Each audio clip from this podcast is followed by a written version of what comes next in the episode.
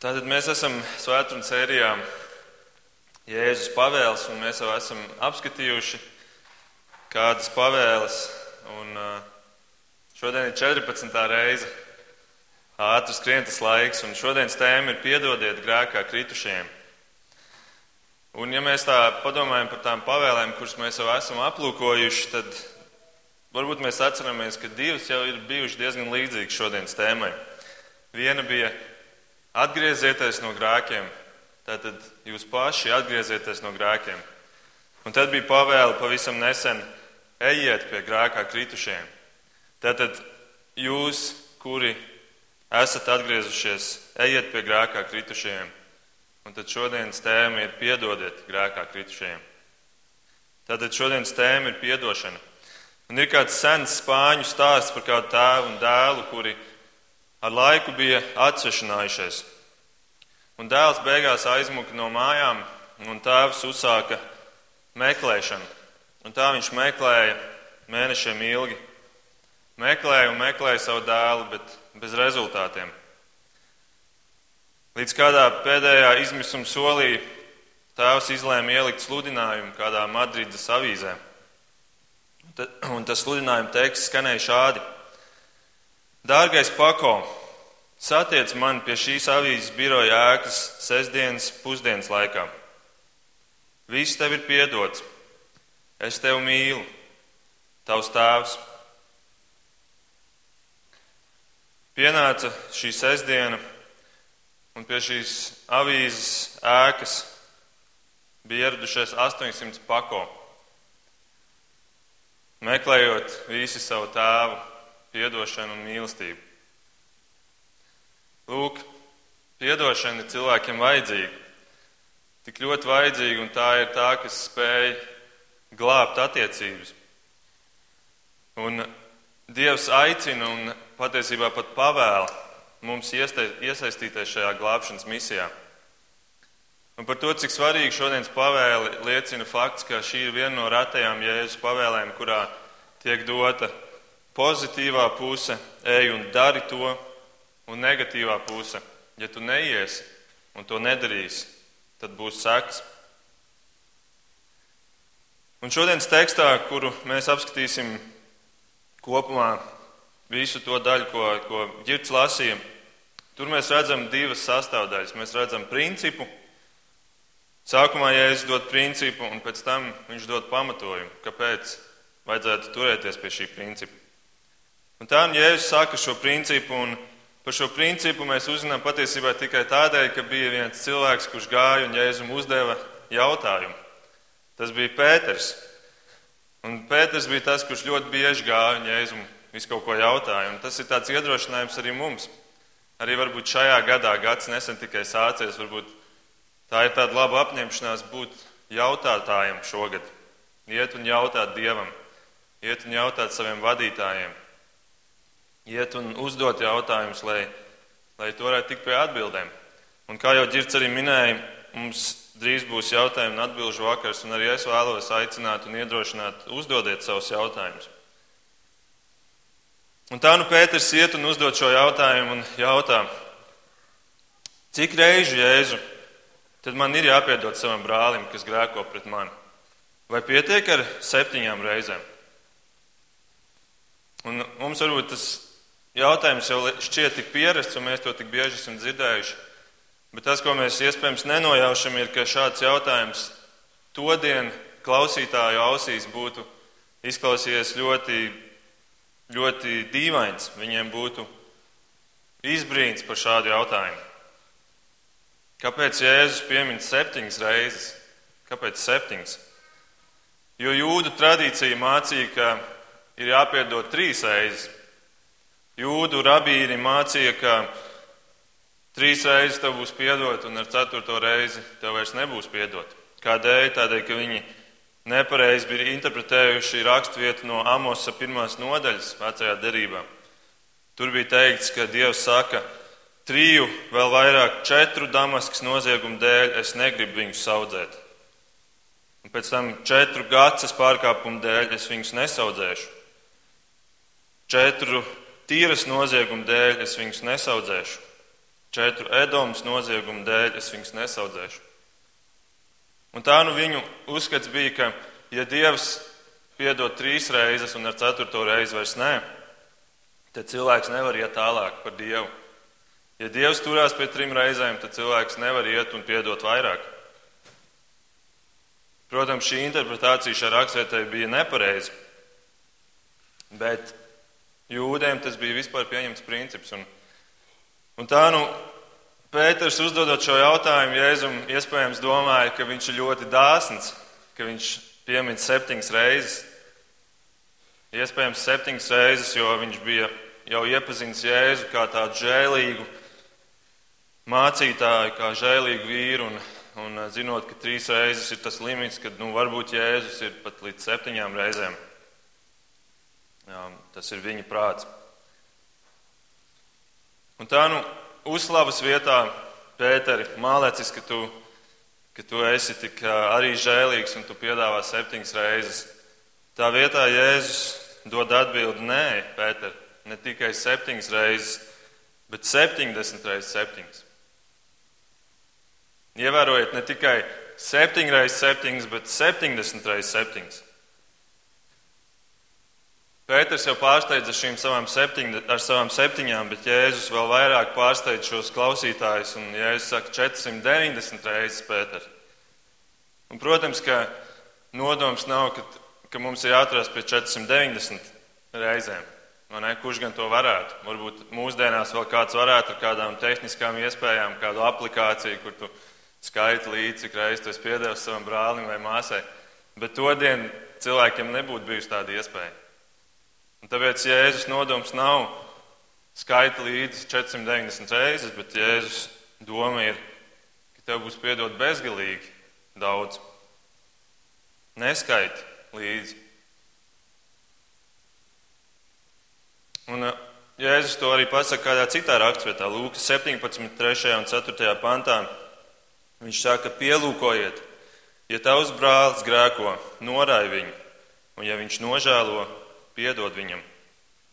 Un pat ja viņš grēkot pret tevi septiņas reizes dienā, un septiņas reizes vērstos pie tevis sacīdams, es nožēloju, tad piedod viņam. Tā tad nevis septiņas reizes dzīvē, bet septiņas reizes dienā. Un kā zināms, diena ir daudz, vai ne? Tātad Jēzus princips ir piedod atkal un atkal un atkal un atkal. Piedod nešķirojot, ko tu piedos un ko tu nepiedos. To sauc par beznosacījumu piedošanu. Un, protams, ka tas nav viegli. Patiesībā mums cilvēkiem tas ir neiespējami.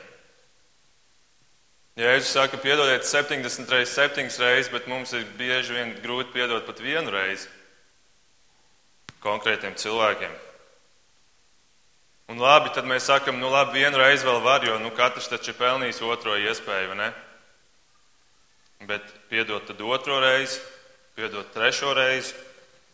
Iedomājieties paši tādu reālu situāciju, kur kāds cilvēks izdara jums netaisnību un jūs viņam piedodat, un jūs jūtaties, ka viņš tagad ir jums savā ziņā parādnieks. Un te viņš izdara to vēlreiz, un, un jūs piedodat vēlreiz viņam. Bet te viņš izdara trešo reizi, un jums jau droši vien atskanēs atbilde, vai tu nesaprati?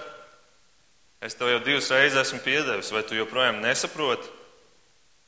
Un jā, tas ir cilvēcīgi, un, un arī es tā daru. Es, es arī uzdot, sāktu uzdot jautājumus cilvēkiem, kāpēc, kāpēc joprojām šī lieta uzpelda. Un piedošana arī nenozīmē, ka mums ir jāļauj darīt ar sevi visu. Mums vajag un, un ir labi, ka mēs arī pamācam cilvēkam. Bet tā doma, ko Jēzus šeit grib pateikt, ir, ka papildus šai pamācībai ir jābūt arī piedošanai. Un tas ir grūti, un gluži vai neticam šādā situācijā būtu piedot ceturto reizi, un piedot piekto reizi, un sesto reizi, un desmito reizi. Bet Jēzus saka, piedodiet 490 reižu un vairāk. Tad kā tas ir iespējams? Kā tas ir iespējams? Un te mēs varam būt godīgi un teikt, ir tikai divas iespējas. Vai nu mēs neņemam jēzu nopietni un, un sakam, ka tas nav burtiski domāts, Vai arī mēs ņemam jēzu nopietni, bet mēs atzīstam, ka mums ir vajadzīgs kāds papildus spēks, kāds pārdabisks spēks, kas mums ļauj to izpildīt. Un labā ziņa ir tā, ka Dievs mums dod pārdabisku spēku, lai mēs to spētu izpildīt. Kas ir šis spēks, par to raksta 19. gadsimta mācītājs, Dienvidāfrikas mācītājs Andrew Murijs. Viņš raksta šādi: Ak, piedod tā, kā tu piedevi, svētais Dieva dēls, šo es vēlos ņemt kā savus dzīves likumu. Tu, kurš esi devis šo pavēli, esi devis arī spēku. Tu, kurš esi mīlējis pietiekami daudz, lai piedotu man, piepildīs arī mani ar mīlestību un mācīs man piedot citiem. Tu, kurš esi man devis pirmo svētību, prieku par man piedotajiem grēkiem, noteikti dos arī otro svētību, vēl dziļāku prieku par grēku piedošanu citiem. Ak, piepildi mani ar ticību savas mīlestības spēkā, lai padarītu mani tādu, kāds esi tu lai padarītu mani spējīgu piedot šīs 70 reizes, 7 reizes, ka tādējādi spētu svētīt visus sev apkārt. Tātad šis pārdabiskais spēks ir piedošana, kuru es jau esmu saņēmis. Tad, kad Dievs man piedāvā, tad šajā piedošanā nāca līdzi kā tāda, kā tāda spēka dzēriens vai viela, kura man pēc tam dod kaut kādu spēku darīt to, ko varbūt cilvēki nespēja darīt, kuriem nav šīs piedošanas. Cilvēks spēja piedot 70 reizes, 7 reizes, tad, kad viņš ir saņēmis piedošanu no Dieva. Un lūk, un šo domu Jēzus izskaidro šajā otrajā daļā. Viņš dod šo piemēru, šo līdzību par ķēniņu un nelietīgo kalpu. Un Girts jau to lasīja ievadā, tas ir eh, Mateja 18 no 23. panta. Un tātad Jēzus ir devis principu piedodiet 70 reizes, 7 reizes, un tagad viņš dod pamatojumu, kādēļ un kā es to spēju darīt. Jo iespējams arī mācekļiem dzirdot šo atbildi uz, uz Pētera jautājumu, viņiem radās šis jautājums, bet Jēzu, kā tas ir iespējams? Kā tas ir iespējams? Un ievērot, ka Jēzus nedod tagad kādu sārakstu ar praktiskiem soļiem vai punktiem, tagad tu vari darīt šo un šo un šo, lai, lai tu varētu piedot, lai tu spētu piedot. Domā pozitīvas domas, vakarā pirms gulētiešanas noskait kādu pantu. Nedomā par to cilvēku, kurš kurš tev ir darījis pāri, domā gaišas domas un tā tālāk. Nē, Jēzus nedod šādu sarakstu ar praktiskiem ieteikumiem. Tā vietā viņš izvēlas iedot šo līdzību. Un šīs līdzības galvenā doma ir, ka tev ir jāpiedod, un tu spēj piedot nevis sevis vai tā otra cilvēka dēļ, bet dieva dēļ. Tātad pretēji populāriem mūsdienu pašpalīdzības kursu un kristīgās psiholoģijas padomiem kur ieteikums ir koncentrēties uz sevi, koncentrēties uz to, ka es mainu savu domāšanu. Jēzus saka, koncentrējies uz Dievu. Tā vietā, lai tu domātu, ko tu vari darīt, vai ko tas otrs cilvēks var darīt, lai tu spētu viņam piedot, koncentrējies uz to, kas jau ir izdarīts tavā labā no Dieva. Un tā tad ir šis ķēniņš, kurš tas ir Dievs. Tas ir, es domāju, pašsaprotami. Un ir šis kalps, kurš ir šis kalps, tu un es. Kā mēs to zinām? Tāpēc, ka pašās beigās ir teikts, jūs ik viens. Šis ir piemērs jums ikvienam. Tas nav tikai Pēterim vai mācekļiem, tas ir mums katram. Un ķēniņš izlēma prasīt norēķinu savam kalpam. Tieši tā kā Dievs arī dara, viņš prasa norēķinu cilvēkiem. Un ir kādi cilvēki, kurš skaidro šo ar lielo tiesas dienu, kas būs katra cilvēka dzīves beigās. Bet patiesība ir tā, ka tas nevar būt šis tiesas dienas notikums, tāpēc ka šis kalps iznāk ārā no šī notikuma, no šī norēķinu brīža, un ko viņš dara? Viņš satiek kādu savu biedru, kurš prasa viņam atdošanu. Tātad šeit ir runa par norēķinu, kas tiek prasīts jau dzīves laikā. Un tā nu pienāk šī kalpa kārta, un izrādās, ka viņam ir uzkrājies milzīgs parāds - desmit tūkstoši talantu. Un varbūt mums tas jau izklausās daudz, desmit tūkstoši. Bet patiesībā tas ir ļoti daudz. Teologi nav vienprātis, cik tas varētu būt. Tur ir runa par, par 11 miljoniem līdz pat 13 miljardiem eiro mūsdienu vērtībā. Bet, lai varbūt to tā kontekstā ieliktu, tad Romas iekasētie nodokļi visā Galilejā bija 300 talantu gadā. Un visā Izrēlā 600 talantu gadā. Tas nozīmē, Visi Izraēlas gadā nu, deva nodevu 300 talantu, un šim kalpam ir 10 tūkstoši talantu. Lai samaksātu šādu summu, tad visai Galilējai būtu jāstrādā šī viena kalpa labā 33 gadus. Vai arī, ja šis kalps kaut vai 1000 eiro dienā nomaksātu, viņam būtu 3500 gadi jāmaksā šis parāds. Un tas, protams, aizved mūs pie neapšaubāmā secinājuma, ka šo parādu nav iespējams nomaksāt šim kalpam. Un patiesībā desmit tūkstoši šis, šis um, skaitlis, desmit tūkstoši Bībelē bieži vien tiek, tiek pieminēts kā simbols bezgalībai. Tur ir, piemēram, runa par desmitiem tūkstošu eņģeļu, kur nāk. Tur nebija doma, ka viņi būs desmit tūkstoši, bet Runa ir, ka tas ir ļoti daudz, tā ir bezgalība, tur pat nav vērts skaitīt. Nu, lūk, un tātad šis kalps ir nonācis šajā ļoti, ļoti sliktajā situācijā. Viņam ir desmit tūkstoši talantu parāds, izsaimniekojot savu kunga īpašumus. Un kāda interesanta detaļa ir tā, ka šis vārds kalps nenozīmē personīgu kalpu vai vergu, bet šis vārds apzīmē ķēniņa valstības pārvaldnieku. Pārvaldnieku, kurš ir iecelts par kādu provinci, par kādu reģionu, iet un iekasēt nodokļus no iedzīvotājiem un, un apsaimniekot šī ķēniņa īpašumu. Līdz ar to tas ir simbols mums katram, jo tad, kad Dievs deva cilvēkam ēdienas dārzā šo, šo zemi, viņš teica, ej un apsaimnieko to. Tas tiek tev nodots tavā pārvaldībā. Un Dievs ir devis mums katram mūsu ķermeni, mūsu iespējas, mums apkārt mūsu talantus. Viņš ir devis šo vietu, un viņš saka, ej un apsaimnieko to.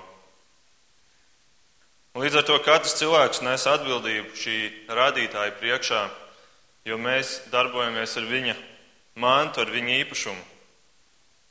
Un tad nu ir jautājums, kā tad var rasties šāds desmit tūkstošu talantu liels parāds? Kā tas ir iespējams?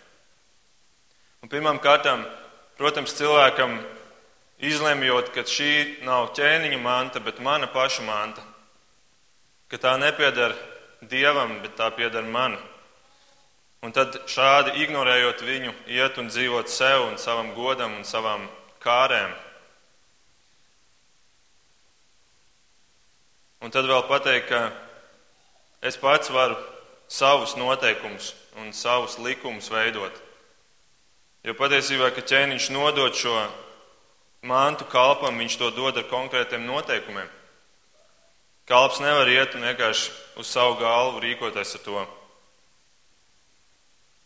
Bet, ja cilvēks izlēma, ka tas ir mans un es pats to darīšu, un šādi ar pagrieztu muguru savam ķēniņam iet un dzīvo šo dzīvi, un to dara stundu no stundas, dienu no dienas, nedēļu no nedēļas, un paiet mēneši un paiet gadi, Un tad pienāk dieva norēķina diena. Vai tad vēl ir pārsteigums, ka tur ir desmit tūkstoši savākušies? Un klāt vēl nāk pārkāpumi, kas ir darīti līdz cilvēkiem. Visi mēli un dusmas, piekrāpšanas un apkrāpšanas, slepkavības, abortos un citos veidos. Un, ziniet, patiesībā Bībelē māca, ka katrs grēks, kas ir darīts savam līdzcilvēkam, ir grēks, kas ir darīts Dievam. Grēks pret Dievu.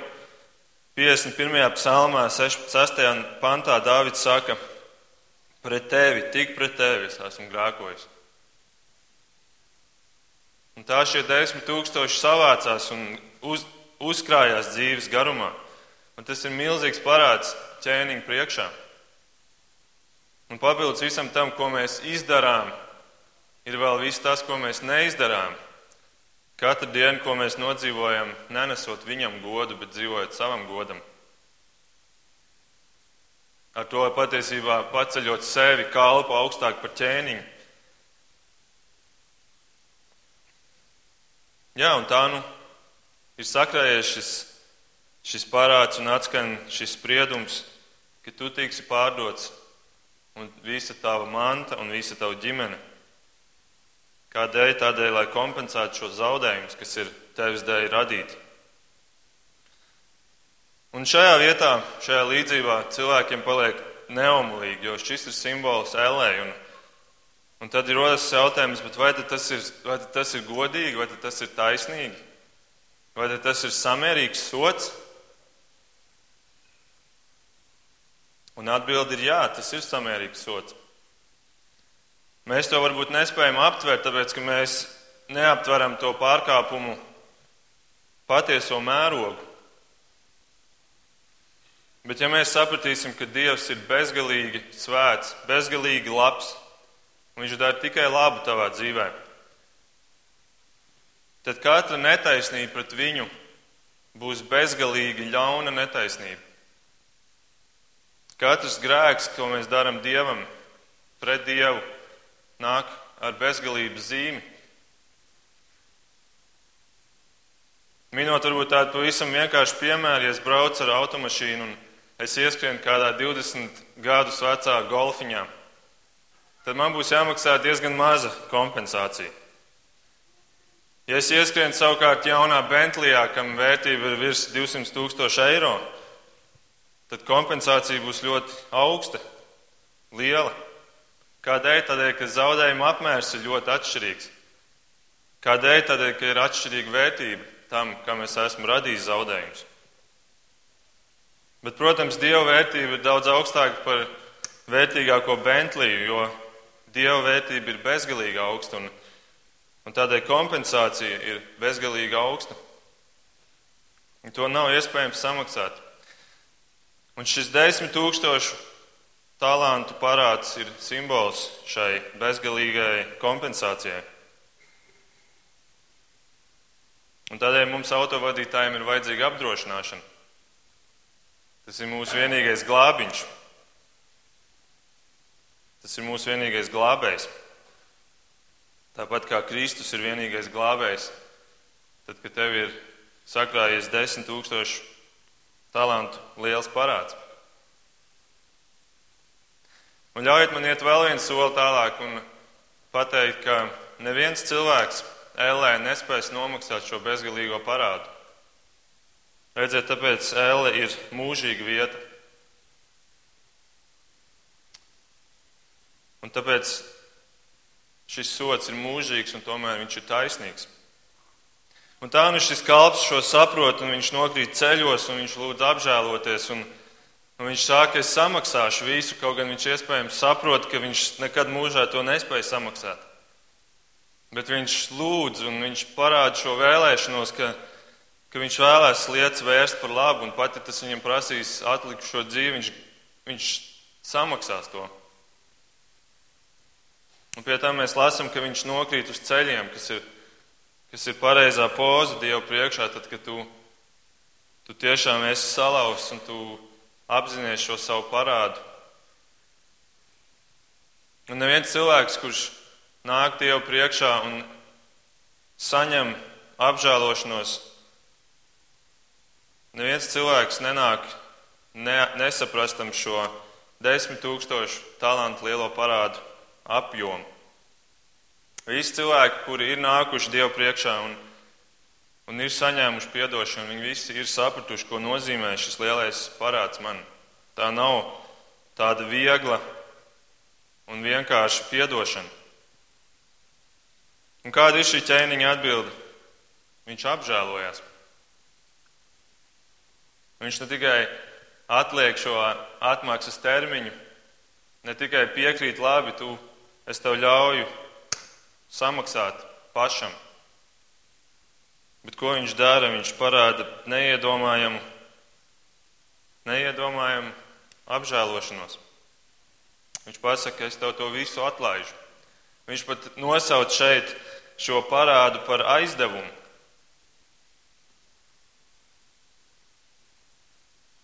Un, ja mēs tā padomājam, 13 miljārdi eiro, ko tu vienkārši tā atlaidi, ka tas šai ķēniņa valstībai iespējams bija diezgan smags ekonomi, ekonomikas un, un saimniecības um, upuris, kas bija Jānis. Aiz tā stāv diezgan dārga samaksa. Tas nav tikai tā izgaist vējā šis parāds. Un tāpat ir ar Kristu, kurš ir samaksājis šo sodu, šo bezgalīgo kompensāciju. Tā bija ļoti dārga samaksa. Un lūk, un šis stāsts par šo kalpu ir stāsts par tevi un mani. Tu esi šis kalps, un ja tu nesaproti, kas tev ir atlaists, tad tu esi nožēlojams cilvēks. Un es to nesaku, lai aizvainotu tevi, bet, bet mēs tiešām esam nožēlojami cilvēki, ja mēs to nesaprotam. Un tā ir visa tā esence šai, šai līdzībai. Un kā šī, šis mūsu nožēlojamais stāvoklis izpaužās? Tajā, ka mēs ejam un prasam piedošanu un samaksu par to sīk naudu, par kur ir parādā mūsu biedri mums. Kā šis kāps, kurš iziet ārā, te pat rakstīts, ir, ka nevis tas notiek kaut kad vēlāk, bet tas notiek tik līdz viņš ir izgājis ārā no šī ķēniņa nama.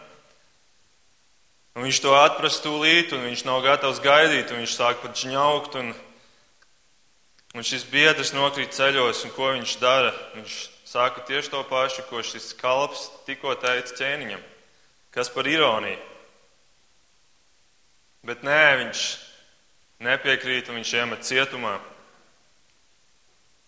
Un mēs varbūt nodomājam, kāds bezkauņa, kāds baisa pavērsiens. Bet patiesība ir tā, ka mēs katrs esam šāds bezkauņa, ja mēs kaut vienu lietu neesam gatavi piedot mūsu līdzcilvēkiem. Un līdzība noslēdzas ar to, ka ķēniņš uzzina šo bezkaunību un viņš iemet šo kalpu cietumā tieši tāpat kā šis kalps iemet savu biedru cietumā. Un piedošana vienmēr iet roku rokā ar žēlastību, ar žēlsirdību. Ja tu nedod cilvēkam žēlsirdību no sevis, tad negaidi to arī no Dieva. Jēkaba vēstulē 2.13 ir rakstīts, jo tam, kas nav parādījis žēlsirdību, tiesa ir bez apžēlošanas bet žēlsirdība daudzkārt pārspēj tiesu. Un Kalns vētrunā jūs atcerieties, Jēzus teica, laimīgi žēlsirdīgie. Kādēļ? Jo Dievs būs viņiem žēlsirdīgs. Redziet, būt bez žēlsirdības tas ir grēks. Bet būt bez žēlsirdības, tad, kad tu pats esi saņēmis žēlsirdību no Dieva, tas ir smags grēks. Un šis kalps bija šāds kalps bez žēlsirdības, un viņš nonāca cietumā nomaksāt parādu. Un šī līdzība jau pat par sevi ir fascinējoša, un mēs redzam, cik, cik labs stāstu stāstītājs ir Jēzus, ka viņš tik īsā veidā, tik konstruktīvā veidā spēja tik daudz pateikt. Un ko gan mēs citu sagaidītu no Dieva? Bet ir vēl viena detaļa, kas, kas šo visu padara vēl apbrīnojamāku, un es teiktu pat dramatiskāku.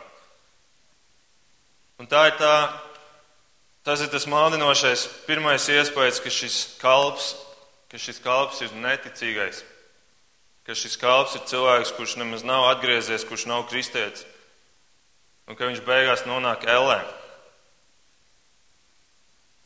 Nē, šeit ir runa par kristieti.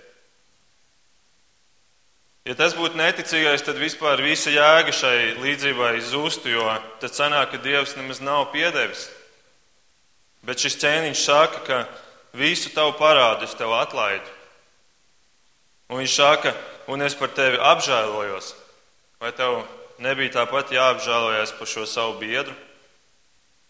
Ja tas nebūtu kristietis, tad parāds nebūtu atlaists. Un tad Dievs nebūtu apžēlojies, bet Viņš ir apžēlojies un Viņš ir atlaidis šo parādu. Un tad kāda ir morāla šai līdzībai? Ka šeit ir runa par kristieti un ka pat kristietis spēja nepiedot, kaut arī Dievs tev ir piedevis. Un, protams, mēs to saprotam, mēs to redzam mūsu dzīvēs, un mēs to redzam Bībelē. Visas jaunās darības vēstules patiesībā ir sarakstītas kristīgām draudzēm. Un no vienas puses tas mums ir tāds atvieglojums, jo, jo mēs saprotam, ka arī mēs reizēm nespējam piedot cilvēkiem. Bet no otras puses tas mums rāda satraukumu, jo mēs atceramies Jēzus vārdus Kalnu svētdienā. Ja jūs cilvēkiem nepiedosiet, tad arī jūsu tēvs, jūsu pārkāpums jums nepiedos. Tad kā to saprast? Šeit kalps ir saņēmis piedošanu un pēc tam viņš iet un viņš nepiedod. Kā to, kā to saprast? Un es esmu par to varbūt kaut kad jau pieminējis kādās svētdienās, bet es gribu vēlreiz to pavisam skaidri pateikt, jo manuprāt šī ir viena no vissvarīgākajām mācībām, kāda mums kā draudzēji var būt, lai, lai saprastu Dievu vārdu un saliktu kādus svarīgus jautājumus pareizajos plauktiņos. Un man personīgi, tagad es šo sapratu, man personīgi kaut kādas lietas, kaut kādas, kaut kādas uh, it kā domstarpības, jeb, jeb um, pretrunas atrisinājās. Un, un tāpēc to ir ļoti svarīgi saprast, ka Bībele runā par divu veidu piedošanām. Ir divi veidi piedošanas. Pirmā ir tā, kas izšķir tavu glābšanu, un tā ir vienreizēja piedošana.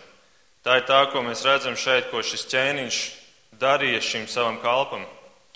Un ir otra piedošana, tā, kas ir vajadzīga katru dienu. Un šī piedošana vairs neizšķir manu glābšanu, bet viņa izšķir to, kādas ir manas attiecības ar manu tēvu. Pirmā ir tā, ka Dievs mums piedod grēkus un mēs kļūstam par jaunu radījumu, mēs piedzimstam no augšas, mēs piedzimstam kā jauns bērns Dieva ģimenē un kļūstam par Dieva bērnu. Un, un tur ir teikts, ka, ka mēs esam jauns radījums un viss vecais ir pagājis. Tu esi jauns cilvēks, tev ir jauns status. Un šī piedošana mums ir dota uz visiem laikiem. Tā ir Dieva suverēnā izvēle. Un, jūs atceraties, augšstabā Jāņa 13 ir šis notikums, kur Jēzus mazgā kājas saviem mācekļiem. Un, un tur viņš saka, ka jūs esat mazgāti jau. Jūs esat mazgāti visi, jums ir, jums ir dots šī piedošana.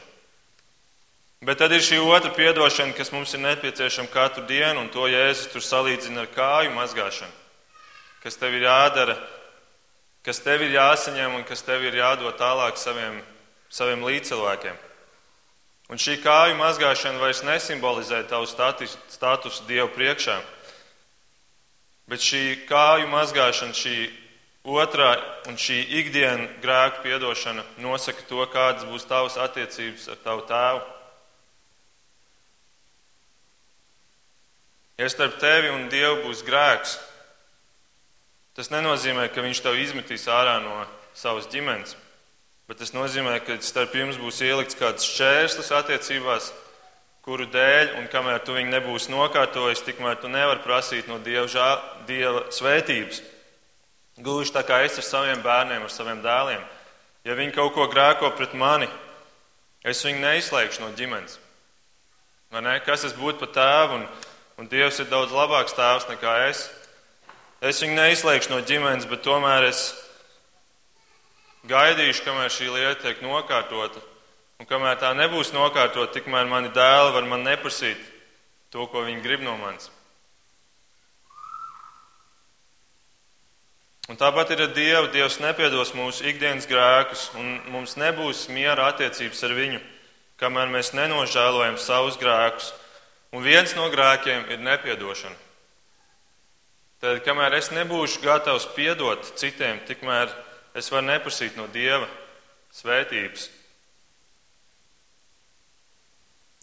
Un tas ir tas, ko rāda šī liecība, šis apbrīnojamais stāsts, ka Dievs, kura bērns es esmu, mani neizmetīs no ģimenes, bet Viņš mani pārmācīs. Un ievērojot šo kalpu, šis ķēniņš iemet cietumā, šaustīt, līdz viņš samaksās parādu. Par kādu parādu ir runa? Par tiem desmit tūkstošu talantiem? Nē, jo tie jau tika atlaisti. Tie ir atlaisti. Ir runa par otru parādu, par to grēku, ko viņš ir darījis savam biedram. Tādēļ ir teikts, ka tu tiec iemests, ja tu tiksi šaustīts, līdz tu būsi samaksājis visu parādu. Mēs jau noskaidrojam, ka desmit tūkstoši talantus nav iespējams samaksāt. Un ievērojiet, ka pirmajā reizē šis ķēniņš gribēja pārdot šo kalpu. Tas nozīmē dot prom. Bet šajā otrajā reizē viņš vairs nesaka, ka viņš pārdos viņu. Viņš saka, ka viņš tiks pārmācīts, līdz viņš būs samaksājis šo parādu. Jo tagad šis kalps ir Dieva bērns. Viņam piedošana ir notikusi, un tomēr viņš grēko pret saviem līdzcilvēkiem, un tāpēc Dievs viņu nevis izslēdz no ģimenes, bet viņš viņu pārmāca. Un ja kādam vēl ir šaubas par šo, ka, kā tas var būt, ka Dievs šausta savus bērnus un pārmāca, tad paklausieties ebrejiem 12. Jūs vēl neesat līdz asinīm cīnījušies pret grēku un esat aizmirsuši iedrošinājumu, kas jūs kā dēls uzrunādams dēls nenicini kunga pamācību, nenicina kunga pārmācību, nec zaudē dušu, kad viņš tavus grēkus uzrāda. Ko kungs mīl, to taču viņš pārmāca un šausta katru dēlu, ko viņš pieņem. Šausta katru dēlu, ko viņš pieņem. Pārmācībā esiet pacietīgi, Dievs izturs pret jums kā pret dēliem. Kuru dēlu gan tēvs nepārmāca? Bet ja jūs paliekat bez pārmācības, kam viss ir pie, padoti, tad jūs esat ārlaulības, nevis īstie dēli. Redziet, tā ir svētība, ka Dievs tev pārmāca, tā ir zīme, ka tu esi tiešām viņa dēls, ka tu esi viņa bērns. Un kā viņš pārmāca dažādi, viņš nedos tev mieru, tu dzīvosi ar nemieru sirdī. Varbūt tava dzīve būs bez spēka, bez, bez tā, ko tu ko tu ilgojies Dieva labā darīt, un tas paliek bez spēka. Būs neapmierinātība, nebūs patiesais prieks. Tas var nozīmēt arī kādas fiziskas un, un materiālas problēmas. Kas nu kuram ir nepieciešams, bet tēvs pārmāca mīlestībā. Un es abrieno, abrīnoju, cik pacietīgs ir Dievs. Kaut arī Viņš mums ir piedevis nekompensējumu. Mēs tomēr neesam gatavi cilvēkiem piedot sīknaudu, parādu, kas ir sīknauda. Un Dievs šajā līdzībā nevis atsakās no mums, bet Viņš ir gatavs strādāt ar mums. Kas tā ir par mīlestību, kas tā ir par piedošanu. Un Dievs šeit parāda, ko nozīmē 70 reizes, 7 reizes piedot. Tātad, kas ir šodienas mācība? ka jautājuma, kā es varu piedot, vietā man vajadzētu uzdot jautājumu, kā gan es varu nepiedot. Kā gan es varu nepiedot? Man vairs nav argumentu nepiedot. Efeziešiem 4 ir rakstīts: piedodiet viens otram, kā Dievs Kristu ir piedevis jums. Kolosiešiem 3 ir rakstīts: piedodiet cits citam, kā Kungs jūs ir apžēlojis.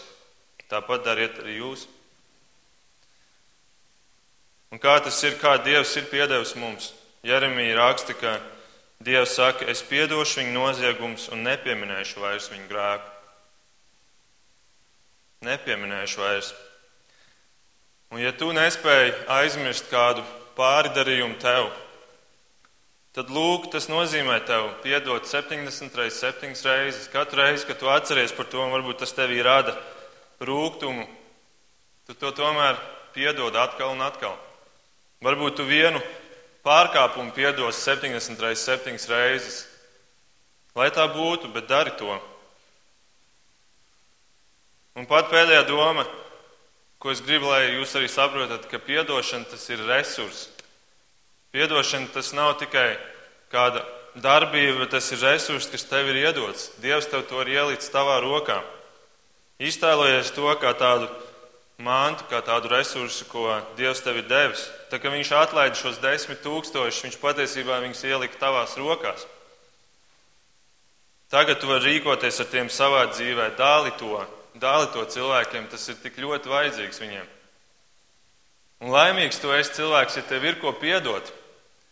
Ja tev ir ko piedot, tu esi laimīgs cilvēks. Jo labāk, kad citi tev ir parādā, nevis ka tu esi citiem parādā. Un ļaujiet piebilst, ka tev nav jāgaida, ka cilvēki tev prasīs atdošanu. Tev ir jāpiedod, tā ir tava atbildība. Nepaliec nevienam neko parādā. Romiešiem 13 ir teikts. Nepaliec parādā pat, ja cilvēks tev nav to prasījis, piedod. Tā ir liela atbildība. Dievs atprasīs, ko tu esi iesācis ar šo resursu, kuru viņš tev ir devis. Atcerieties Jāņa 20, 23, kam jūs grēkus piedosiet, tam tie tiks piedoti. Un kam paturēsiet, tiem tie paliks.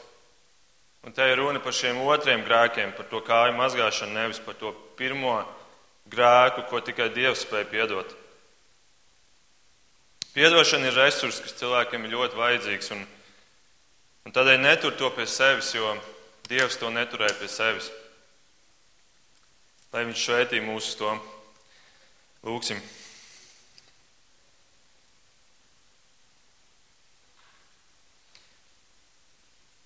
Jā, mīļais Tēvs, paldies par, par šo tavu piedošanu, ko mēs, kristieši, īpaši tie, kuri jau esam vairākās paudzēs, kristieši, ka mēs to tik viegli prātīgi un tik viegli uzņemam, ka mēs To pat nenovērtējam, kas mums ir piedots.